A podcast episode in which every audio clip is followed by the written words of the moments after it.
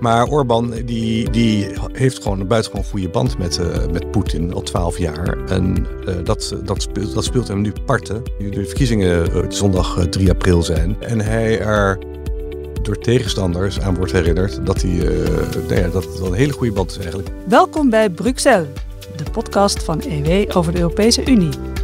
Matthijs van Schie en correspondent René van Rijkenvorsel bespreken actualiteit en achtergronden van de EU-politiek in Brussel. Oekraïne dreigt de Hongaarse verkiezingen te domineren. Wordt Poetin-trekpop Orbán weer premier? We gaan het bespreken in deze nieuwe aflevering van Bruxelles met uh, René van Rijkenvorsel, onze correspondent in Brussel. René, hartelijk welkom. Hey Matthijs. We hebben elkaar een uh, behoorlijk tijdje niet gesproken en er is ook een hele tijd geen uh, podcast verschenen. Excuses daarvoor aan onze vaste luisteraars. Dat heeft een aantal redenen. eind februari was ik zelf een weekje met vakantie. Toen kwam ik terug, kreeg ik corona. Toen ik daarvan weer hersteld was, was René naar Hongarije. Uh, ook nog corona tussendoor. Ook dat nog inderdaad. René kreeg ook corona. Kortom, uh, het pleit ons uh, misschien niet helemaal vrij, maar dat is dus de reden waarom er zo lang geen podcast is verschenen. Nou, we gaan het over jouw bezoek aan Hongarije gaan we het uitgebreid hebben, deze podcast. want er zijn komend weekend verkiezingen en hoe kan het ook anders, die worden gedomineerd door Oekraïne. dus dat gaan we straks uitgebreid bespreken. Maar voor we naar Oost-Europa gaan, beginnen we dichter bij huis. Zoals elke week in jouw standplaats Brussel. Bericht uit de stad. Hoe is het daar, René, in Brussel? Nou, Joe Biden is weer weg. Uh, dat betekent dat er geen helikopters meer boven de stad uh, uh, vliegen. Dat de sirenes weer een beetje zijn geluwd en dat de barricades zijn opgeheven. maar goed, dat was maar één dag. Maar dat is dan wel altijd wel imponerend dat dan hoe zo'n stad eigenlijk deels wordt lamgelegd voor het bezoek van, een, van zo'n hoogmogende uit de, uit de Verenigde Staten. Maar daar gaan we het niet over hebben. Maar laten we even beginnen bij een punt, een heel druk verkeerspunt in Brussel. Ja. De hoek van de kunst, uh, de Laar uh, en de uh, Belliard. Dat is de Belliard, dat is een straat. En die Belliardstraat leidt naar een tunnel. En het een tunnel, een van die befaamde Brusselse tunnels. En daar, daarmee zoef je zo de stad uit. nou, op, die, op, daar, op dat kruispunt staat altijd een man, staat daar met, met ja, kegels. En die staat daar te, geweldig te jong leren. en hij is een, bedelende een bedelaar eigenlijk, maar hij doet een kunstje. Nou, ik vind het altijd wel leuk om hem wat toe te stoppen als ik daar toch sta te wachten voordat, voordat ik uh, die biljartstaat mag, in, mag inrijden. Hij is ook niet zo opdringerig dat hij direct naar jou toe komt. Nee, nee, nee. Hij loopt dan even langs, langs de auto's. En je staat er over het algemeen wel even te wachten. Want het, nou ja, voor die stoplichten. in elk geval, ehm, en wie, wie schetst mijn verbazing toen ik het blad Knak uh, het, onze zusterblad. we zijn overgenomen door Roularta, de eigenaar van KNAK. Uh, toen ik het zuster, Belgische zusterblad KNAK opensloeg. En daar staat Jong Leren voor de Vrijheid. En wie zie ik daar? Mijn vriend. Ik weet nu ook dat hij Alejo heet. En 35 is. Uh, dat, bij vriend die wordt daar geportretteerd als ja, iemand, een circusartiest aan het stoplicht. Oh, wat een toeval. Nou, het, het, toeval was eigenlijk dat ik het opensloeg op het moment dat ik al had bedacht wat mijn, wat mijn themaatje over Brussel zou zijn vandaag. Hm. Dat heeft namelijk ook met bedelen te maken. Uh, de stad Brussel, en dat is dus niet de hele stad Brussel, maar de stad Brussel is een deel van Brussel. Er bestaat ongeveer 200.000 mensen. Ik heb wel eens verteld hier al dat Brussel uit 19 gemeenten bestaat. Nou, de stad Brussel is daarvan de grootste. Uh, en is dat, die omvat het centrum en de Avenue, Avenue Louise en de Europese wijk, uh, grof gezegd. Uh, en daar, de stad Brussel wil, wil bedelen aan banden leggen eigenlijk. En vooral het bedelen uh, uh, van uh, vaak moeders die met een klein kind of meerdere kleine kinderen naast de deur van de supermarkt, naast de entree van de metro zitten en daar op zo'n manier geld proberen op te halen. Want is dan een groot probleem dat de, de bedelaar die jij beschrijft, daar spreek je vol lof over, maar in de rest van Brussel is het misschien wat minder plezierig? Nou, ik vind het, ik vind het, ja, ik vind het zelf wel onplezierig om die geëtaleerde armoede daar naast, naast, naast, die, naast die winkels en metrostations te zien. Uh, en die vrouwen uh, en soms ook mannen doen eigenlijk niks anders dan de hele dag bedelen. Ik heb altijd wat meer respect voor mensen die iets doen uh, om, ja, om ja. een kunstje te verkopen of zo. Maar goed, ja, dit, dit, en, dat, en dat is een groot probleem in Brussel. Want in Brussel stikt het. Mensen die er, die, die, die er wel eens in Brussel komen, die weten dat het stikt gewoon heel veel van de bedelaars. Er is geen vestiging van Deleuze bijna waar niet gewoon altijd de vaste bedelares ja. met, met haar kinderen voor zit. Nou ja, dat is een, dat is, uh, daar, maar, en, maar er is er wel een vrijheid van bedelen in, de, in, de, in, in Brussel. Het is niet verboden om, de, om te bedelen. Maar nu hebben ze wel, mogen ze, is wel besloten, de stad Brussel uh, gaat vandaag of morgen besluiten om uh, bedelaars die vergezeld zijn van minderjarige kinderen, om die te beboeten. En die kunnen tot 350 euro boete daarvoor krijgen. Want die kinderen zijn vaak ook leerplichtig. En die, gaan, die staan wel ingeschreven, soms in een school in Roemenië, soms in een school in Brussel. En die gaan dus niet naar school. Nou, het gaat allemaal op, op een hele aardige manier hoor, dat moet ik zeggen. Dat, in, Brussel, in, België zijn ze net zo stof als in Nederland. Dus het eerste contact wordt erop gewezen dat het niet kan. Dan als er herhaaldelijk de, deze regel wordt overtreden, dan zal een boete van maximaal uh, eh, 350 euro worden gegeven. Ze zeggen ook, het doel van deze verordening is niet om te straffen, maar om te begeleiden. Ja, en dan moet dat vooral natuurlijk ten goede komen van die kinderen die daar op straat zitten, terwijl ze eigenlijk uh, op school hadden moeten zijn. Ja, die moeten gewoon, die moeten gewoon naar school inderdaad. Ja, het is, niet, het is gewoon niet leuk om te zien dat die kinderen gewoon worden misbruikt ja. eigenlijk voor de zieligheids, uh, zieligheidsindustrie van die, van die Roma. Want die Roma hebben er gewoon een soort industrie van gemaakt. Die, die reizen ook gewoon, sommige Roma reizen ook gewoon op en neer. Die komen dan rond kerst een paar maanden. Want dan kunnen ze lekker vangen. En daarna gaan ze, gaan ze weer terug. Ja, want het zijn, dat zijn dat allemaal daklozen? De, dus ze schijnen gewoon met elkaar te wonen in barakken, in kraakpanden of, bij, of, te, of te logeren bij, bij familie. Uh, en het is ook een, ze komen ook een bepaald deel van, uh, van Roemenië uh, allemaal. Nee, die hebben dan Brussel zeg maar gekoloniseerd als, bedel, als bedelstad. Vrij reizen in de Europese Unie, ja, krijg je dit soort dingen ook. Ja, god, ja. En het schijnt dat je in een drukke winkelstraat op goede dagen toch 150 euro per dag kan pakken. Ja, dat zeker als je uit Roemenië komt. Ja, en, ze, en, en, die mensen, dat is ook wel weer grappig, die, dat de Roma, die, dat die willen eigenlijk gewoon niets, niks, zo, niks met de staat te maken hebben. Dus de, de, de staat biedt ze dan wel allerlei dingen toe aan, uh, opvang en dergelijke. Maar dat, dat willen ze niet. Ze willen gewoon voor hun eigen hachje zorgen op hun eigen manier. Door, uh, nou ja, door met die kinderen naast de supermarkt en metrostations te zitten. Ja, nou de stad Brussel gaat daar dus iets aan doen. En als ik jou zo hoor, is dat dus niet echt met de harde hand, maar soft op zijn Nederlands. We moeten maar zien wat, wat, wat, wat hiervan komt. Ja. Nou, dat gaan we zien. Jij gaat het vooral zien in Brussel, waar jij natuurlijk volop vertoeft. Tot zover het, uh, het Brusselse nieuws. En uh, laten we dan uh, gaan naar de volgende rubriek. De Europeaan om in de gaten te houden. Ja, met de oorlog in Oekraïne kan het natuurlijk niet anders dan dat de Europeaan om in de gaten te houden dit keer een prominente rol speelt in het Brusselse buitenlandbeleid. Dat buitenlandbeleid is natuurlijk geen echte kernbevoegdheid van de EU, maar ze hebben er wel een speciale hoge vertegenwoordiger voor. Om wie gaat het? Mooie naam is dat, hè? Hoge vertegenwoordiger. Ja. Dat zou ik ook wel willen zijn. Um, dat gaat over uh, dat, een naam die de meeste luisteraars wel zullen kennen. Josep Borrell. Voluit Josep Borrell Fontelles. Uh, 74-jarige Spanjaard, socialist. Die, uh, die namens uh, Europa, ja, die echt de hoogste diplomaat van, van Europa is. En hij moet niet alleen maar naar andere landen toe met andere landen praten. als, als gezicht van Europa, maar hij geeft ook leiding aan, het, aan, de, aan de Europese buitenlandse dienst. Die is er ook nog.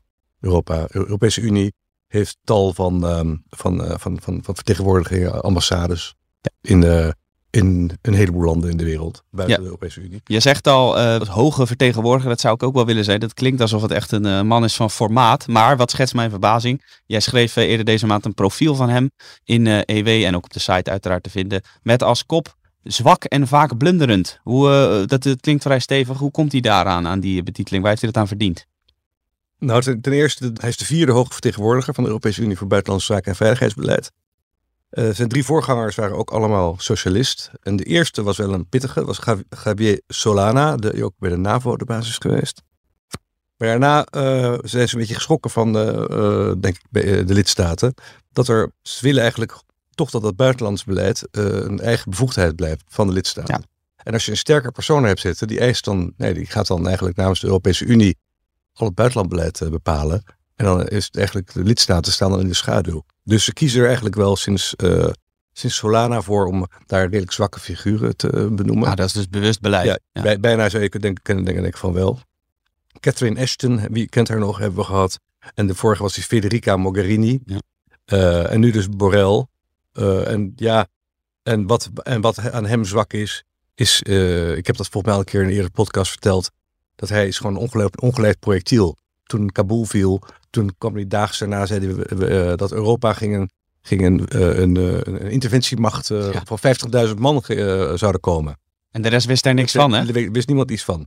Nou, dat, dat is nu dus inmiddels... Hij heeft nu strategisch kompas is er nu gekomen, ook onder zijn leiding. En daar staat ook nog een interventiemacht in van 5000 man.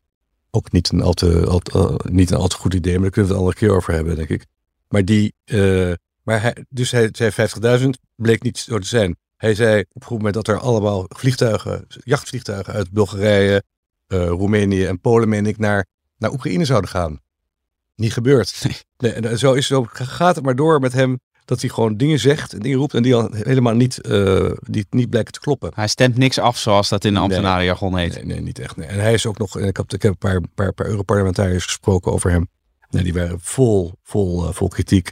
Uh, hij, de, de, ene zei dat hij zich vooral tot nu toe op de oude Spaanse, ja, de Spaanse liefhebberij stortte. Dus veel Cuba, veel Venezuela. Ja.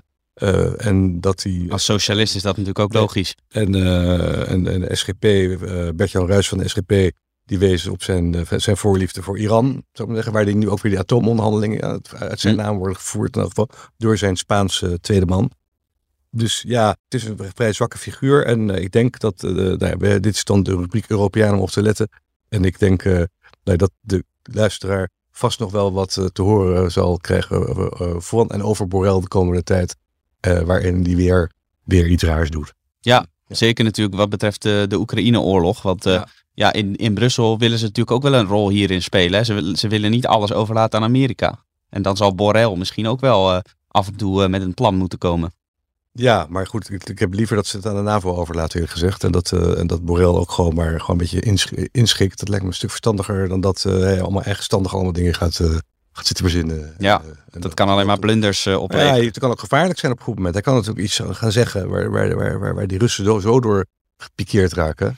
Ik weet het niet, dat het, uh, dat het allemaal ellende oplevert. Dus die man moet gewoon op zijn...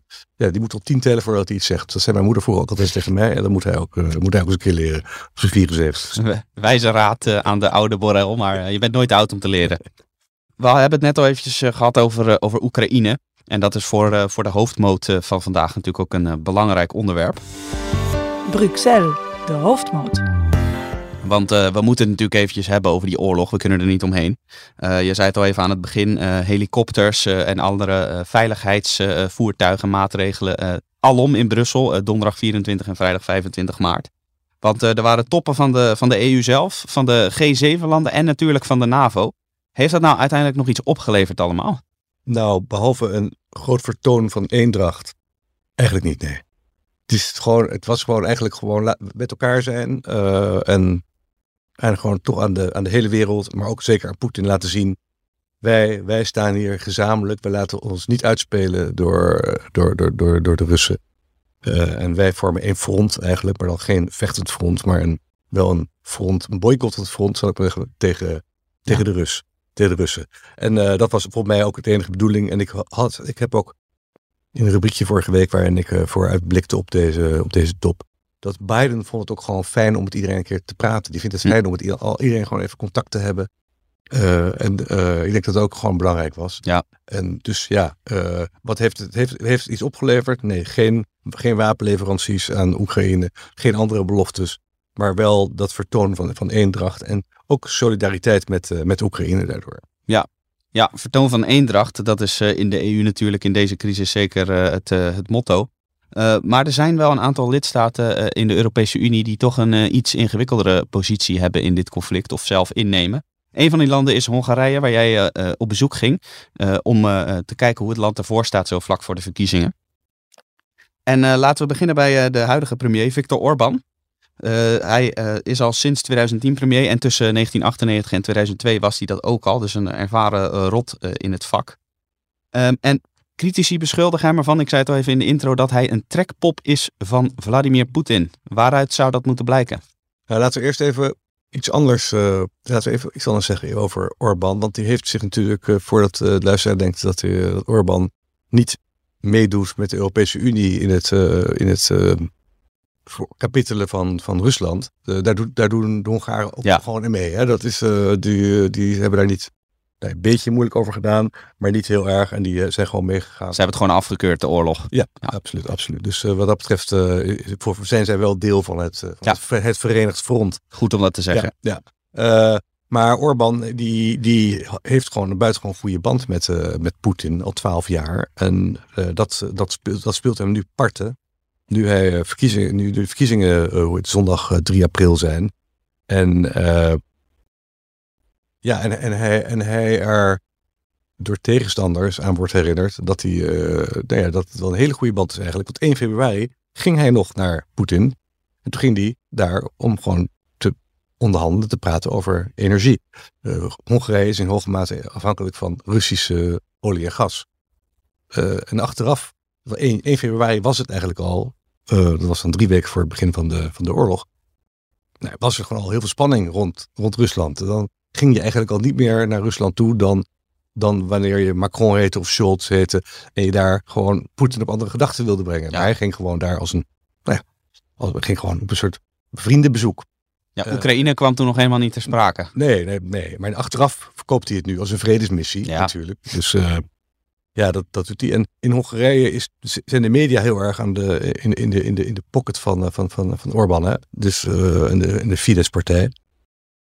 Zeker op platteland, waar, waar, waar zeg maar men ja, niet naar, niet naar, niet naar uh, Twitter gaat of niet naar Facebook gaat, maar gewoon de staatsmedia nog, nog vertrouwt. Ja, dus de, de, de, de, de, de, de gemiddelde Hongaar weet het eigenlijk allemaal niet precies. Nee. Dus maar hij is wel heel populair, dus met name inderdaad op het platteland. Want ja. hij is niet voor niks natuurlijk zo lang al aan de macht. Maar met name vanuit Brussel, vanuit de, de, instituties van de Europese Unie, krijgt hij veel kritiek.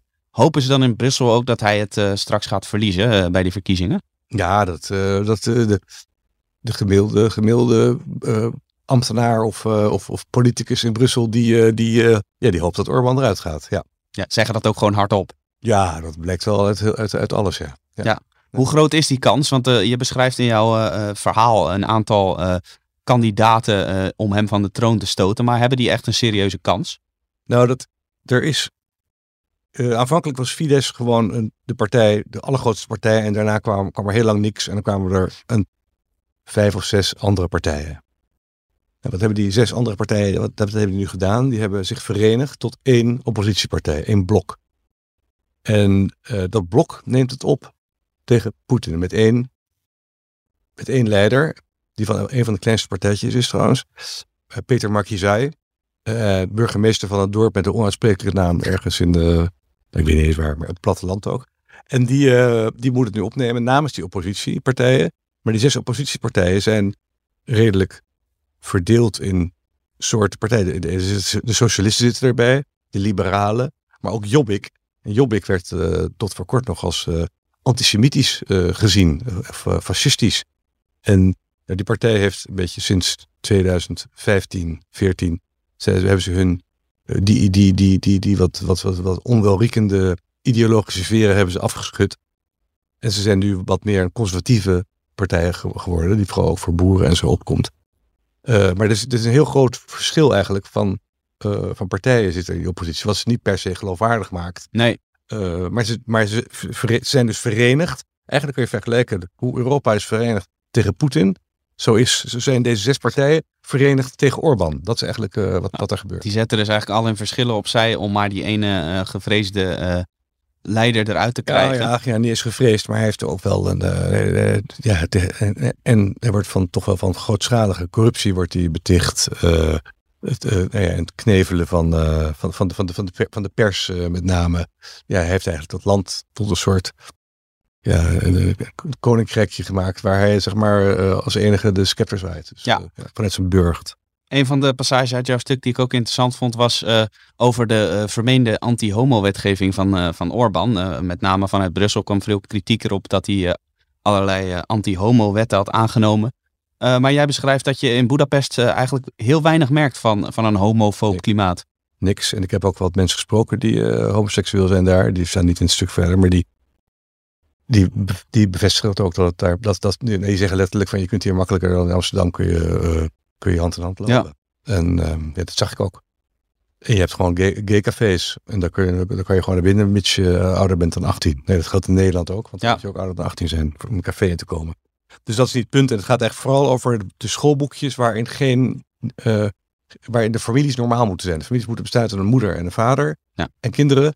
En daar, daar mag ook geen eh, reclame worden gemaakt of niks worden geschreven over geslachtsveranderingen eh, voor kinderen onder de 18.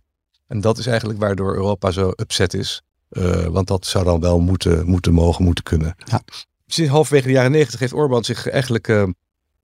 heeft hij zich eigenlijk ge- gekerstend. Hij heeft zich laten dopen en heeft de, de, de, de, de- dat Hongarije een christelijk land is, dat in de grondwet en dergelijke. Dus hij beroept zich daar heel erg op. Dat is, dat is wat, wat, wat onze natie is. Ja. in de Traditionele gezin hoort traditionele natuurlijk bij. gezin, precies. Nou is het interessant, want veel van de bezwaren die jij hier noemt, die eh, in Brussel klinken tegen Hongarije, die gelden ook voor Polen. En jij zegt dat ook voor Polen, met name voor Polen, eh, deze verkiezingen in Hongarije extra interessant zijn, omdat ze natuurlijk vaak eh, twee handen op één buik zijn. Ehm, hoe wordt er in Polen aangekeken tegen deze verkiezingen? Ja, ze houden elkaars hand vast. Hè? Ja. Dus, dat, dat, wat, dus, dus er gaat toch veel, veel kan er gevetoed worden in, in, in Brussel. Dus als er een keer Hongarije wordt gestraft, dan kan, ve- kan Polen dat vetoen. Als Polen wordt gestraft, kan Hongarije dat vetoen. En als Hongarije nu van Peter Markizai eh, en zijn, en zijn oppositieblok wordt, dan, zal, dan, dan, dan hebben ze niet meer die, eh, dat vriendje wat altijd voor ze opkomt. Ja. Dat is het eigenlijk. Dus, dus, dus in Polen eh, zou je kunnen zeggen eh, dat ze misschien hopen dat Orbán wel blijft, in tegenstelling tot eh, veel ambtenaren. in Polen zullen Brussel. denk ik wel hopen dat, dat, Ja. Orbán blijft. Ja, ja, ja. Hoewel ik weet niet of Hongarije en Polen per se hele goede vrienden zijn hoor. Dat, dat het zijn totaal verschillende landen. Dat merk je nu ook in de Oekraïne-crisis. De Polen zien Oekraïne als een, als een broedervolk. En de Hongaren kijken er toch wat anders tegenaan, eh tegen, die, tegen die Oekraïners. Hoewel ze er wel aan- ook aan grenzen, kleine, niet zo'n hele, niet zo'n hele lange grens, ik denk dat het 100 kilometer is of zo. Maar, die, eh, maar in Hongarije kijken ze, zijn ze vooral geïnteresseerd in de Hongaars sprekende minderheid in, eh, in eh, Oekraïne. Dat zijn ongeveer 150.000. eh, en die hebben allemaal Hongaars paspoort ook gekregen van, van Orbán. En die, die zijn al voor het grootste deel zijn die al naar Hongarije gekomen. En die vinden daar wel onderdak bij familie en dergelijke. Eh, maar er komen meer vlucht- vluchtelingen uit, eh, uit Oekraïne uiteraard over de grens met Hongarije. En die krijgen dan eh, gewoon een treinkaartje naar Wenen. Zo. Ja. Die, worden, die worden dan niet zo opgevangen. Terwijl de Polen gewoon echt al 2,5 miljoen of zo. en, daar- Ja. en die ge- geen treinkaartjes nog niet in elk geval weggeven, bij mijn weten. Dus dat is wel. En dus ook, iemand zegt ook hier, in, in, het, een van de, van de mensen die ik heb gesproken. De man die, wij, die eh, heel erg aan Fidesz ge- gelieerd is, en de, dus de heersende partij. Die, eh, die zegt ja, nee, maar eh Orbán zou in Polen nooit tot premier zijn gekozen. Daar, daar, daar, daar is toch een hele andere mentaliteit. En de, dus ja. Ja, veel anti-Russischer misschien ook wel. Ja, ja hoewel jij, hebt- Hongarije heeft ook zijn litteken van 1956 natuurlijk. Hè, dus dat moet je niet vergeten. Maar dat de laatste twaalf jaar was, was, was, het, was Orbán wel pro-Poetin. En daar wordt hij nu ook de trekpop of mini-Poetin wordt hij, eh, wordt hij genoemd. En dat is eigenlijk ook de enige punt waarop de oppositie wellicht eh, de winst kan pakken. Daarmee. Want, want eh, eigenlijk staan eigenlijk al een tijdje achter op, toch weer op Fidesz. Omdat de Fidesz toch heel goed de, de platteland weet te mobiliseren. En in tijden van oorlog moet je geen verandering willen en dergelijke. Dat zijn allemaal van dat soort argumenten. Eh, maar ja, wat mij wat wordt, gezegd ook, dat gewoon, ja, naar, naar, naarmate er meer burgerdoden komen in, ehm, in Hongarije, eh, zal, eh, eh, ja, hoe groter de kans is dat, eh dat Orbán ja, toch wat van die stemmen gaat verliezen. Omdat de mensen toch zien ja, wat voor verschrikkingen daar, daar zijn. Maar goed, veel, veel van dat nieuws wordt weggehouden door de, door de, door de staatsgecontroleerde pers. Dus er is wel oppositiepers, maar die, die, die, die bereikt dus niet de, de kiezer op platteland. Grof gezegd. Ja, jij sluit jouw eh, artikel ook af eh, met de, de, eh, het volgende zin. het enige dat van de Hongaarse verkiezingen nog een thriller kan maken zijn de raketten van Poetin. Ja. Dus nou, laten we in die zin dan misschien maar Ja. hopen dat het geen thriller wordt. Vreselijk? Want dan betekent dat misschien dat, dat het relatief rustig blijft in Oekraïne. Ja. Ja, we blijven dat met interesse volgen. En we zijn nu voornamelijk in Budapest. althans, daar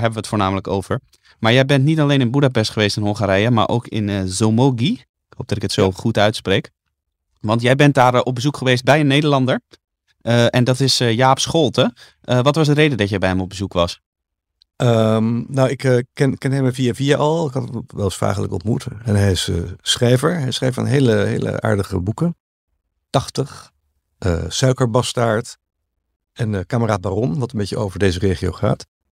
en hij woont gedeeltelijk, maar eigenlijk wel grotendeels in, in Hongarije op het platteland, vlakbij de Kroatische grens. En heeft hij een heel mooi huis neergezet. En ik was daar en ik, ik zocht en ik had zijn nummer ergens geregeld. En ik belde en we kregen contact. En toen, uh, toen bleek daar dat hij ook Oekraïnse vluchtelingen had opgenomen in zijn huis. En dat hij ook bezig was om allerlei spul, allemaal vesten, hoe heet het, ja, kogel, kogelvesten, Kevlar helmen en andere, andere dingen te, nee, had hij een fundraising voor, was hij voor begonnen. En dat hij, dat hij die naar Oekraïne wil, wil krijgen. Inmiddels zal het wel gelukt zijn, denk ik. Ehm, maar goed, ik was wel getriggerd door het feit dat hij daar een gezin had opgenomen. Dat zijn schoonouders hier in de, huis, uh, in de buurt ook een, een, een huis hebben. Zijn schoonvader is van Hongaarse komaf, die is, vlucht, die is gevlucht in 1956. Voor de, voor de Sovjet-Unie dus, ja. Precies, dus er is wel een enorme... Dus er is dus wel een, een, een link, zeg maar, met, met, met, met, ook met dat verleden. En die schoonouders hebben dus ook vluchtelingen opgenomen uit Oekraïne. En toen dacht ik, ga daar naartoe en ik ga het verhaal maken hoe een Nederlandse schrijver in Hongarije uh, mensen opneemt uit Oekraïne. En, en wat zijn de beweegredenen eigenlijk? En ik heb, ik heb hem even gesproken, ik heb een stukje opgenomen, dat, dat moet je me even laten, laten ja, horen. laten we er even naar gaan luisteren. Oké, okay, ja. fijn dat ik bij je mag langskomen hier in de, in de, nou ja, in de periferie van Hongarije, maar zeggen. Uh, je bent enorm betrokken geraakt de afgelopen weken bij het conflict, bij de, het conflict in Oekraïne. Oekraïne is hier denk ik, kilometer of 500 uh, eh, vandaan. Ja, zeven uur rijden van ja. de boerderij ja, ja. ja. En je hebt ook zelfs vluchtelingen in huis opgevangen. Kun je vertellen hoe, jouw um, hoe jouw betrokkenheid eigenlijk, hoe is dat zo gegroeid? Want jij zit er al relatief nog ver vandaan eigenlijk hier. je kunt dichter, in Hongarije, dichter bij de Oekraïne wonen dan ja. daar waar jij zit.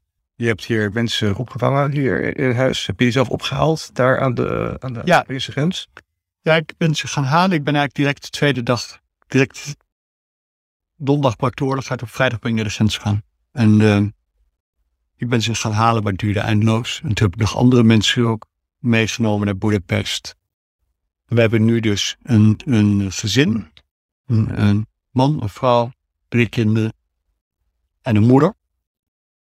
Die zijn hier. En dan zie je ook het. Maar ik heb dus eigenlijk drie dagen lang bij die grens doorgebracht. En dat heeft mij ook nog verder fel gemaakt. Ik heb gewoon gezien die, ik wel aangegrepen, die, al die levens die opeens ja. totaal kapot zijn gemaakt. En ze kunnen allemaal ook nalezen wat je allemaal hebt gedaan. Je houdt een logboek bij. Uh, dat, uh, op de site van EW eh, zal het logboek worden gepubliceerd vanaf nu. En de oude afleveringen kunnen de luisteraars van de podcast dan gaan nalezen. Hoe lang ga je door, denk je, met het logboek schrijven? tot, totdat Poetin is gevallen? Nou, ik heb in ieder geval nu nog heel veel verhalen te vertellen. Ik heb verhalen van al die mensen die de grens overkwamen. Ik heb uh, ja, wat ik zelf gewoon gezien heb. En ik ben verder ook uh, nu heel erg bezig met medicatie en dingen te krijgen naar Kiev. En uh, dat is op zich ook weer een verhaal op zich. Dus uh, ik, heb, ik heb zeker nog twintig logboeken te staan. En, en ja, het moet kijken hoe het verder gaat. Plus, ik zit in die chatgroep en daardoor hoor ik opeens eigenlijk zulke krankzinnige verhalen allemaal. En daar wil ik ook sommige van vertellen. Dankjewel. En de luisteraars kunnen op de site van, uh, van de EW veel meer nog lezen over en van Jaap Scholten. Dank je. Nou, dat was dus jouw korte gesprek met Jaap Scholten. Maar je hebt uiteraard veel langer met hem eh, gesproken. En dat heb je allemaal opgeschreven in een interview. De link daarna kunt u vinden in de beschrijving van deze podcast. Staat op onze website. En daar vindt u ook een reeks logboeken. Op ewmagazine.nl slash logboek leest u allerlei bijdragen van Jaap Scholten... over wat hij zo al meemaakt met die Oekraïense vluchtelingen in huis. Maar hij wijdt ook uit over de geschiedenis van de regio, over het sentiment bij de Oekraïners, Kortom, een, een blog met heel veel informatie en ook een persoonlijke noot van Jaap Scholten. Ja, een, van de leukste, een van de leukste dingen die mij is bijgebleven uit die zeer, zeer leesbare logboeken van, van Jaap, is dat hij beschreef hoe, uh, hoe, in, um, hoe de Russen eigenlijk worden bevochten in, uh, in, uh, in Oekraïne. Dat gaat allemaal via, via appgroepen, via en chatgroepen. En dan geven ze gewoon met, met van die, op je telefoon kun je van die pins kun je maken, kun je, kun je locaties aangeven. Ja. Dus dan, dan zetten ze, of zien ze een tank rijden, dan, nou, dan geven ze een pin door. En de, op dat moment, die, die pin activeert dan eigenlijk zo'n Turkse drone. Nou ja, en het volgende, volgende moment is dan, de, is dan de tank weg. En die Russische uh, soldaten, die hebben bij mij weten, dat heb ik wel, heb ik in ieder geval gelezen, dat die geen, die hebben geen mobieltjes bij zich. Die hebben dus nee, die zijn ze te tracken natuurlijk. Die weten niks. Ja. Maar die weten ook helemaal niet waar ze mee bezig zijn. Die weten niet waar ze zijn. Die, hebben ook die verkeersborden heb je natuurlijk gezien. Die ja, werden omgekeerd, waren al afgeplakt. En, um, en daar, en daar uh, met, dus je hebt echt een oorlog van een de, de, de, bevolking van, van Oekraïne is helemaal des internets, helemaal digitaal. Die maakt echt gebruik van al die, al die middelen. Uh, en, en, en, en is, scoort daar goed. Terwijl die logge Russische machine nog helemaal analoog is eigenlijk. Ja. Dus je hebt een oorlog. Hij, hij, ja, beschrijft het niet zoals ik het nu zeg, maar dit was wel mijn conclusie toen ik het las. Uh, dat je de analoge Russen hebt tegen de digitale Oekraïners. Ja. Dat vond ik, wel, vond ik wel mooi. Nou, in deze tijd zou je dan zeggen, dan hebben de Oekraïners in, in dat opzicht een belangrijk voordeel. Uh, en laten we, laten we hopen dat het genoeg is uh, voor de Oekraïners om, om op de been te blijven, om vol te houden. Die logboeken kunt u dus allemaal lezen op onze website ewmagazine.nl slash logboek. En ja, u kunt natuurlijk ook de berichtgeving volgen over de Hongaarse verkiezingen. Die zijn zondag 3 april. En over de uitkomst daarvan kunt u dan uiteraard later die die week lezen op onze website.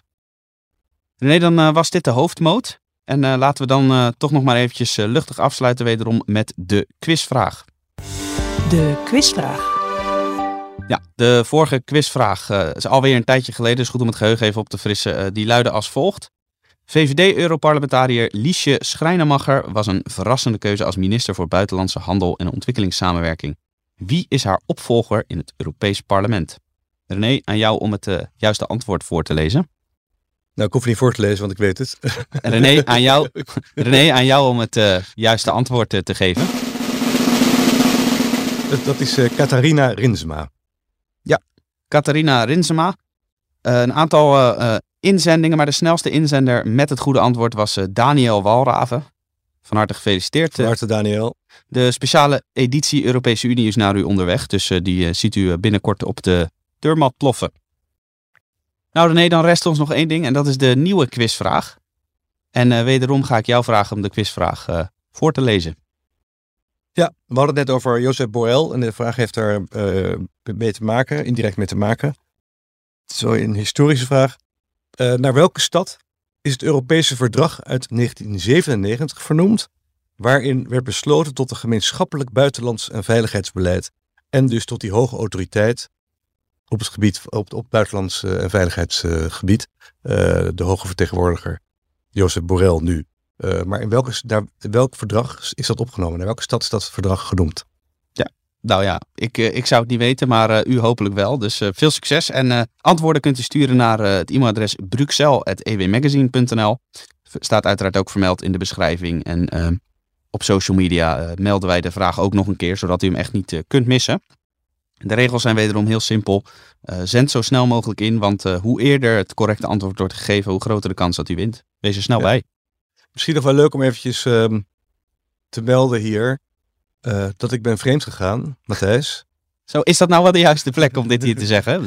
ik ben vreemd gegaan. Ik, ben, ik, ik heb namelijk ook in een andere podcast opgetreden. Dus de mensen die echt fan zijn, en ik hoop dat er veel zijn van, van, van Bruxelles, die kunnen mij ook nog horen, maar dan niet met Matthijs, maar met Florian en met Bert-Jan Ruijsen van de SGP uh, in, de, de podcast uh, Brusselse bronnen van die SGP.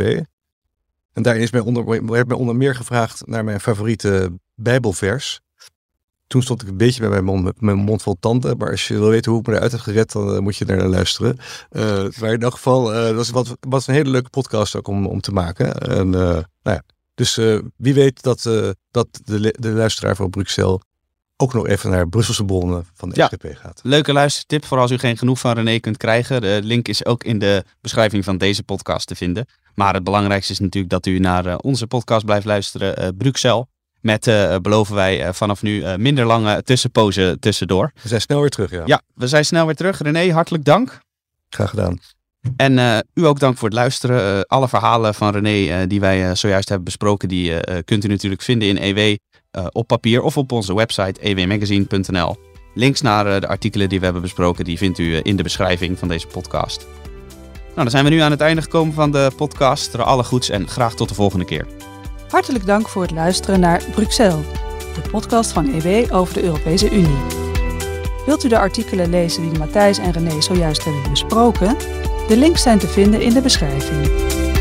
Meer podcasts van EW luisteren? Ga dan naar ewmagazine.nl/slash podcast. Vergeet ons ook niet te volgen op Facebook, Twitter en Instagram via ewmagazine.nl. Heeft u interesse in een abonnement op EW, digitaal of ook op papier? Kijk dan op ewmagazine.nl/slash abonneer. Graag tot de volgende keer.